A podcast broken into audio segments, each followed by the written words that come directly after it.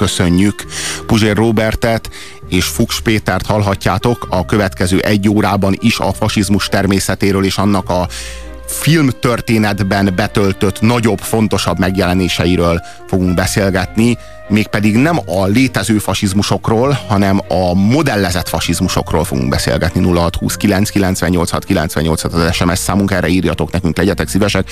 Ez a Rádiókafé, a hét mesterlövészét halljátok, én nagyon-nagyon remélem, hogy a következő egy órában is velünk tartotok, és megtiszteltek minket azokkal az üzenetekkel, amelyekre majd reagálhatunk. A következő fél órában az egyik legnépszerűbb filmről fogunk beszélni ebben a témakörben, egy igazi kultfilmről, ami hát szerintem nem sokat tett hozzá az ő neves elődjeihez, csak valahogy szintetizálta őket. Igazából szerintem Kafka találkozása Orwell-lel zajlik a celluloid szalagon, amikor a Brazil című Terry Gilliam filmről beszélünk. Igazából Terry Gilliam azután, hogy feloszlott vagy szétszélett a Monty Python csapat, hát ezzel a filmmel bontott zászlót, és hát a Monty Pythonnak az abszurd humora igazából egyfajta groteszk antiutópiával találkozik. Nem igazán lehet tudni, hogy a brazil esetében inkább beszélhetünk-e egy sötét jövőképről, mint egy ilyen groteszk, mm, már-már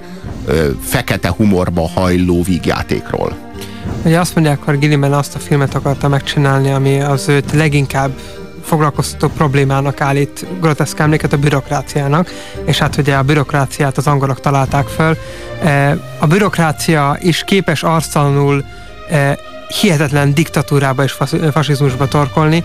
Nem vetlen, hogy a Brazilban nincsen nagy testvér, tehát nincsen egy ilyen hát Napóleon, vagy Mussolini, vagy Hitler, vagy Stalin, hanem ott maga a gépezet és a benne G- lévő... G211-es nyomtatvány igen, van, igen. És, és, és az vezérel mindent, és a, és a benne lévő Ugye káosz, az... a, a, a, a, a, a rend hisztérikus és mindent felölelő világméretű uralmának a mélyén lévő káosz, ami arról szól, hogy igazából a hiába teremtjük meg a rend totális uralmát körülöttünk, annak a lelke mégis a káosz lesz, a vezérlő lelke. Ugye a nyomtatvány számával tessék pontosnak lenni.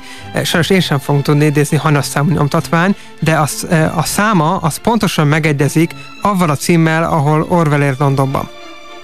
Aha, talán Tehát a B24L az Orwell címe volt a megfelelő pillanatban. Kis finomságok rajongóknak.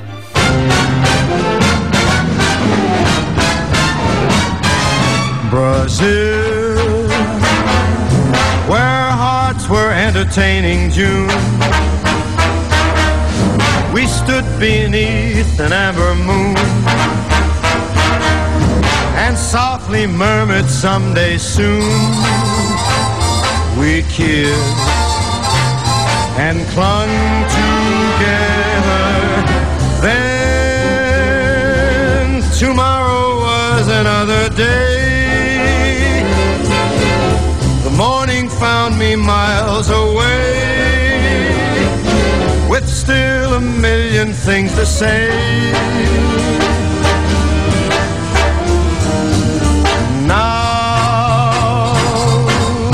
Twilight dims the sky above, recalling thrills of our love, there's one thing I'm certain of return. I will to old Brazil.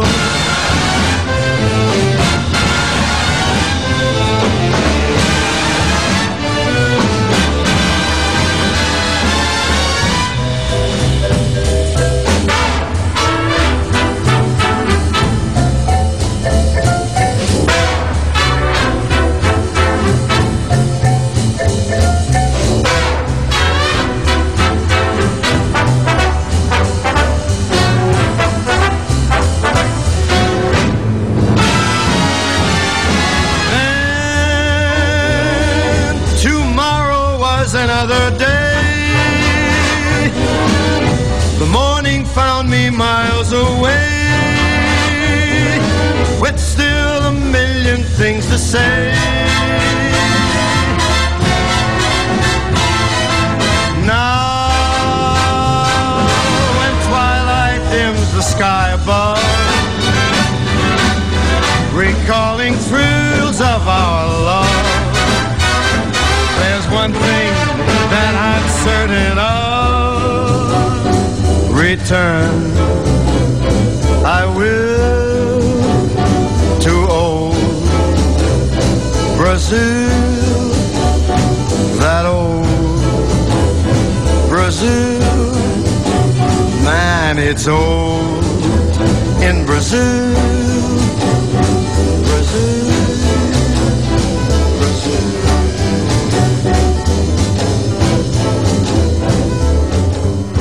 ...1980 háromban ugye Terry Gilliam megrendezte a Monty Python az Élet értelme című filmet, ez volt az utolsó Monty Python produkció. Itt ért véget a Monty Python története, és két évre rá Terry Gilliam megkezdte az ő karrierjének második szakaszát a Brazil című filmmel. Nem is volt könnyű dolga, ugye ez többször elő fog kerülni a következő fél órában, de a filmnek az eredeti cím az 1984 és fél lett volna, csak mivel megjelent 1984 című film, ezért ezt... 1984-ben. Igen, ezért ezt, így van, ezért ezt meg kellett változtatni. A filmnek a befejezése miatt igen nagy kálváriát kellett végigjárni a kedves rendezőnek, mert Amerikában egész egyszerűen nem akarták a megfelelő befejezéssel leadni a filmet, és egy hát talán mai mértékkel mérve is döbbenetes médiakampányba kezdett Gilliam, hogy a filmje végre a vágóasztalról a mozikba kerüljön. Többek között egy talkshowban megjelent az akkori idők egyik legismertebb és leghíresebb színészével, Robert De Niroval, akinek fél óra alatt három mondata volt. E, és egész talkshownak az volt az értelme, hogy azt a producert, aki őt megszorongatja és a filmet nem engedélyezi a maga pessimista felütésével eljutni az amerikai mozikba, azt hát helyreállítsa. Szekálja egy kicsit. Megkérdezte tőle a megfelelő talkshow vezető, az akkori népszerű megfelelő Fábri, hogy, hogy hát mi a, miért nem kerül a film a mozikba. Amiről azt mondta, hogy igazából egy ember miatt, és elővette a producer fényképét, és megmutatta a kamerának, hogy emiatt az ember miatt nem kerül, aki erre majdnem advezést kapott. De Niro valóban játszik a filmben, bár összesen egy nagyon rövidke jelenetben. Ő, ő, ő, ő az. Ő, ő az ellenállás szelleme. Ellenállás szelleme, ez egyébként erről beszélhetünk, mert ugye az ellenállás szelleme akkor lesz, amikor már a főszereplő álmába kerül bele, tehát ő igazából egy hiba folytán körözött, vagy pont nem a hiba folytán, hanem éppen körözött illető, akinek van egy önvédelmi fegyvere amúgy, és az film végén lévő álomjelenetben, álomjelenetben robbangat csak. Ugye van egy ilyen anekdota, hogy hát Gilliam rendkívül megszenvedett Deniroval, ezért mondtam is jobb is, hogy kis szerepet kapott, mert, mert? azért, mert hát ő volt az igazi szupersztár a filmben, és tudni kell róla, hogy ő elképesztően alapos ember, és egész jegyzet, fizet, nem, jegyzet könyvekkel készül a szerepére, és folyamatosan rendező után mászkál, és kérdezgeti az apró részletekről, ami az ő szerepéhez. A karakterének a történetéről. Pontosan. Vajon mikor halt meg az anyja, pontosan, mitől lett ilyen pontosan, idegbeteg, igen. stb. Tehát a, a saját karakterének a jellemrajzát akarja minél tökéletesebben Igen, kidolgozni. és hát ebben majdnem őrületbe kergette Guillemet. Hát ilyen egy alapos színész, az egész biztos. Egy valami még érdekes, mégpedig ez a zene. Ugye kevés olyan filmet ismerünk, amely a zenéjéről kapta a címét. Na most ugye az előbb mondtam, hogy ennek lett volna egy eredeti címe, egy ilyen Monty Pythonos viccelődéssel 1984 és fél. Amikor ez a cím kiesett, akkor hát Gillian bajban volt, hogy milyen címet adjon neki, de egyszer az angol tengerparton járt éppen, hát kicsit rosszabb idő volt, mint most itt, ha kinézünk ablakon, esős, borús, hát ilyen tipikus angol, hideg, még a szél is fújt, ott álltak a tengerparton, és látja, hogy ott ül egy ember egy darab sorban egy nyugágyban, az autója mellett, és a Frank sinatra a Brazil című számát hallgatja. Na, mint az imént hallhattatok. Igen, hallgatja, annak ellenére, hogy hát ez finoman szólva nem is egy Copacabana, e, és nagyon megtetszett neki ez az ember, aki minden körülmény ellenére jól tudja érezni magát, és ezért lett Brazil a film címe. Ez a Brazil, ez egy, ez egy nagyon-nagyon más hangulatú zene. Tehát, hogy a, ez egy ilyen egy nagyon-nagyon vidám, nagyon, tehát tényleg a Copacabana világa. Talán a címesen véletlen. És ebben a filmben meg ketté lett bontva, igazából a, van az alapja a zenének, az a nyomasztó valóság, mindig azokban a jelenetekben kerül elő, és amikor ő, ő már mint a főhősünk ebben a filmben, ugye Sam, Sam Lowry, egy álomba ringatja magát, amely álomban ő egy hős, egy képzeletbeli hős, aki megmenti szíve szerelmét. Egy szárnyas angyal. A dallamvilág, ami az alapon fut az eredetiben, az akkor merül fel. Tehát, hogy igazából a zenét kettőbe vette, az alapok azok mindig a nyomasztó 1984-et festik alá, a dallamvilág az pedig mindig az álomnak a terében jelenik meg. Így igazából tulajdonképpen két zenét gyártott ebből a bizonyos egy zenéből.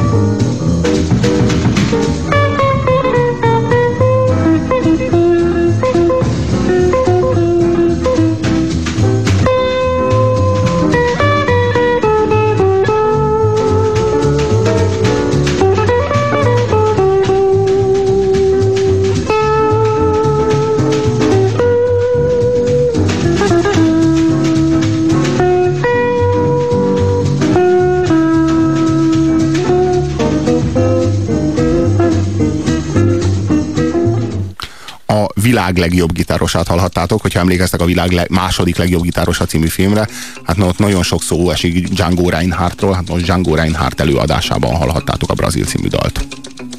Eh, Érdemes megemlíteni a filmplakátját, a brazil filmplakátját. Eh, Szerintem nagyon kevés ennyire a filmet jól összefoglaló plakát létezik. Tehát Egy eh, angyalszárnyas alak repül ki egy, egy fiókból, egy aktafiókból, amely aktafiókok által képezett komplet fal. Igen, egy elészetbe vesző fal, igen, tehát ez a szuperbürokrácia fala, Igen, igen. minden teljesen egyforma, és akkor ez a szárnyas angyal, ami hát mindenféle rendnek ellentmond. Maga Sam Lowry Igen, egyébként. Sam Lowry eh, kirepül. Egyébként, eh, ha Brazilt megnézzük, körülbelül 30 ponton van eh, játszva, vagy kifigurázva maga a bürokrácia.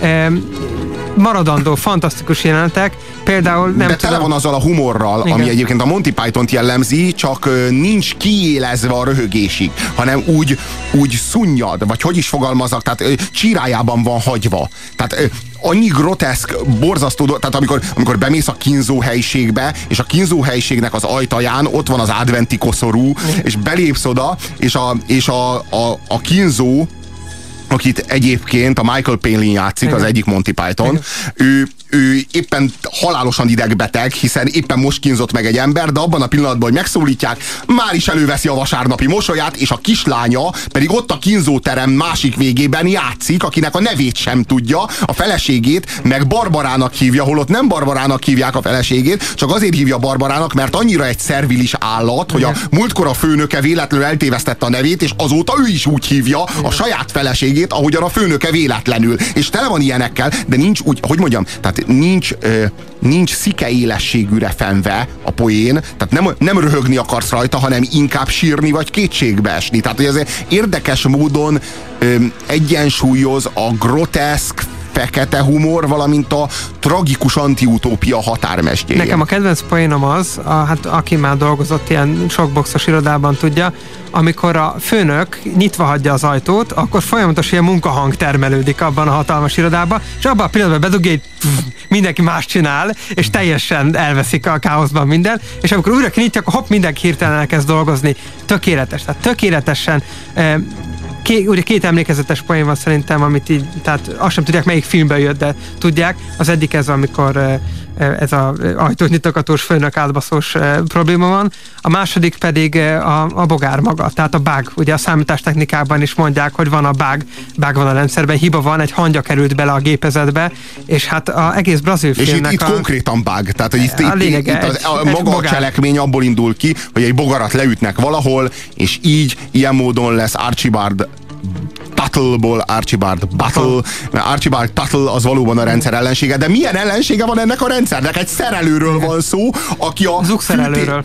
Igen, egy fű, a fűtést, meg a légkondicionálást szereli meg, de ő nem a hivatalos szervíz, hanem ő egy maszek. Egy maszek szerelő az a rendszer legnagyobb ellenség, a legnagyobb terrorista, akire le kell csapni, és aki nem Tuttle, hanem Battle, ezért egy teljesen ártatlan embert kínoznak halálra, de az is egy tévedés miatt van, mert nem tudják, hogy ő szívbeteg, mert a Tuttle, a, a Tuttle az nem szívbeteg, csak a Battle szívbeteg, de a Tuttle aktája alapján kínozzák a Battle-t, és azért hal bele, tehát hogy a, a, az egész történet az a, hogy mondjam, a baga, bagatel és a tragikus határán egyensúlyoz az elejétől a végéig. Ajándékutalvány, de váltható mindenféle gyógyszerre. Elragadó Nagyon hasznos orvosok vagy kórházi ápolók számára. Nőgyógyászati rendelésre is elfogadják, még szülésnél is, beleértve a császármetszést is. Mit akar? Madám, nem tudom, hogy kérjek elnézést, nem lett volna szabad előfordulnia. Egy kis türelmet kérek, rögtön intézkedem. Kérlek, te csak itt ülsz, valamit tenned kéne a terroristák ellen. Lejárt a munkaidő. Kérem a sebesülteket elszállítani. És nem az én hatáskörömbe tartozik. Lepetésem van. Mióta itt vagyunk, alig várom, hogy elmondhassam. Nézd, szemet előléptették, áthelyezték az adatfeldolgozó osztályra. Ó, ez csodálatos, gratulálok, szer! Elég!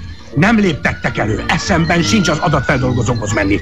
Itt a papírod, anyám, kitörölheted vele a... Ide! Gyorsan, gyorsan! Egy kis bolszot? Na jó, én megyek. Szer, meg sem várod a desszertet? Nem kell a desszert, az előléptetés, nem kell semmi. De semmit sem akarsz elérni? Nincsenek igényeid, vágyaid, álmaid?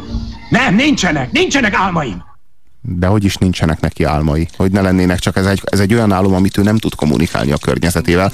A környezetében mindenki, és elsősorban az anyja annyira felszínes, és annyira csak az ott létező, az ott körülötte létező világnak a visszajelzéseiben hisz, és semmi másban. Tehát annyira meg akar felelni, és annyira igazodni akar a környezetéhez, mint talán senki. És hát az, az ami meg a szépségi park kritikája ebben a filmben, az szintén gyönyörű, az, az, gyönyörű. az Tehát csodálatos. A, e, film egyik utolsó jelenetében az anyja, aki hát rémisztőbbnél rémisztebb maszkokat visel a film során, e, egy ilyen 30 évet fiatalodott arccal, e, boldogan magát ilyen e, fiúcskákkal körülvéve viháncol egy barátnő temetésén, aki ráadásul egy kozmetikai műtét mellékhatásába halt bele.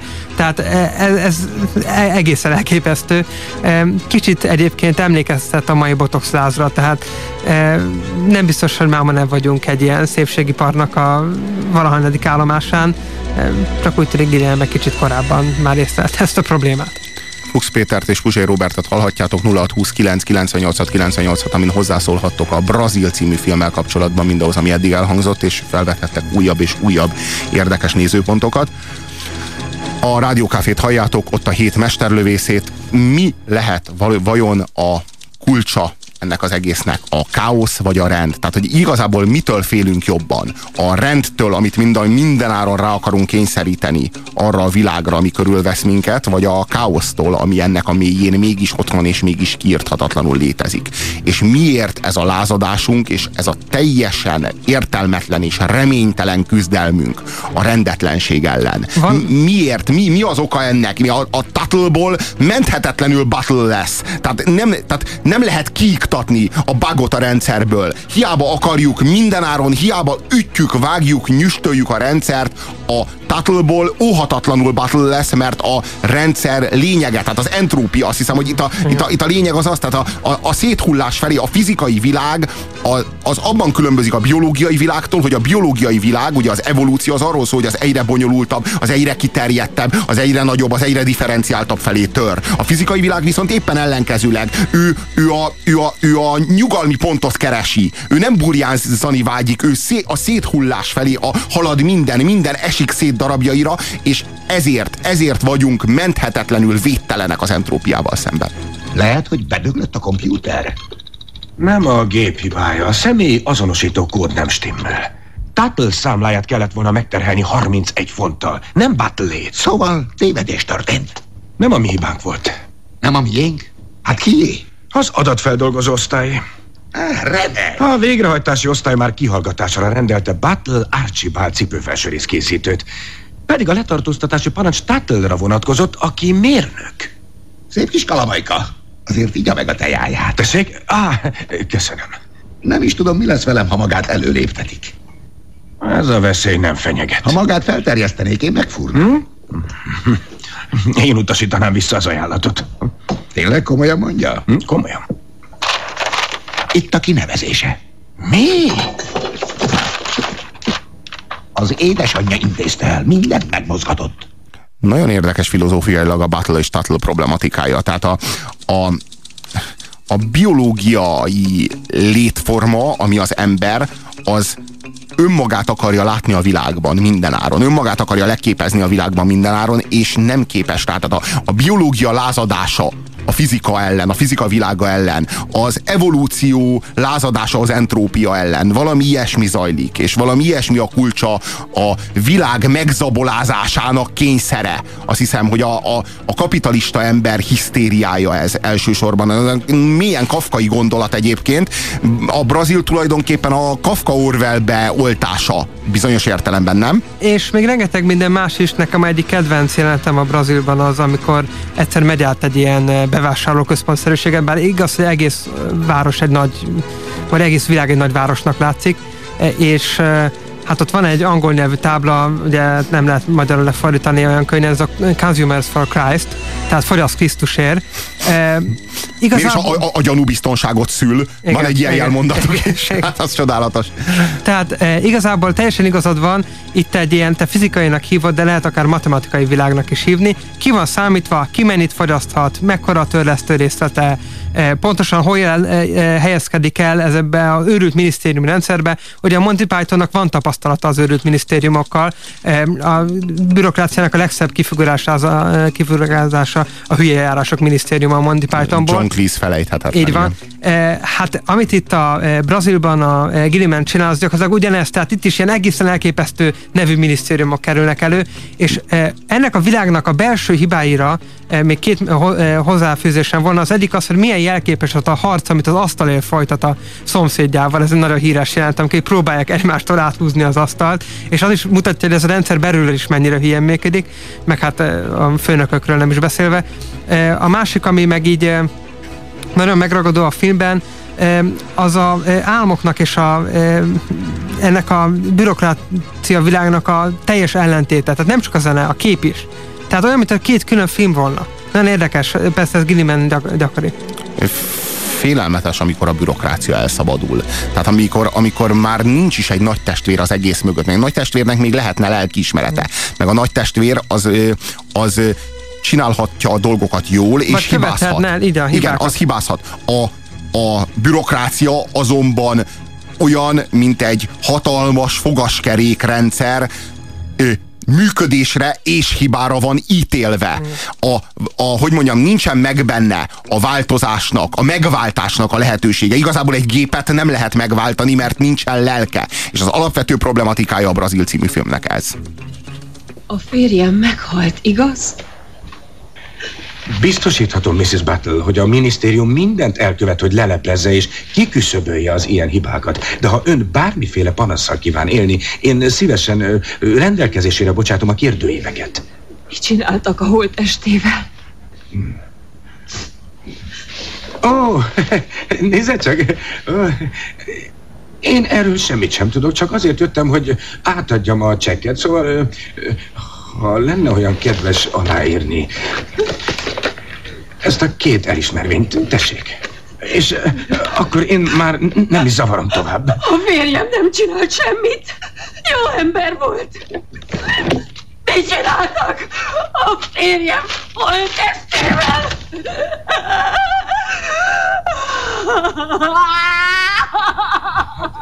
Ez nem volt szép magától, Mrs. Battle.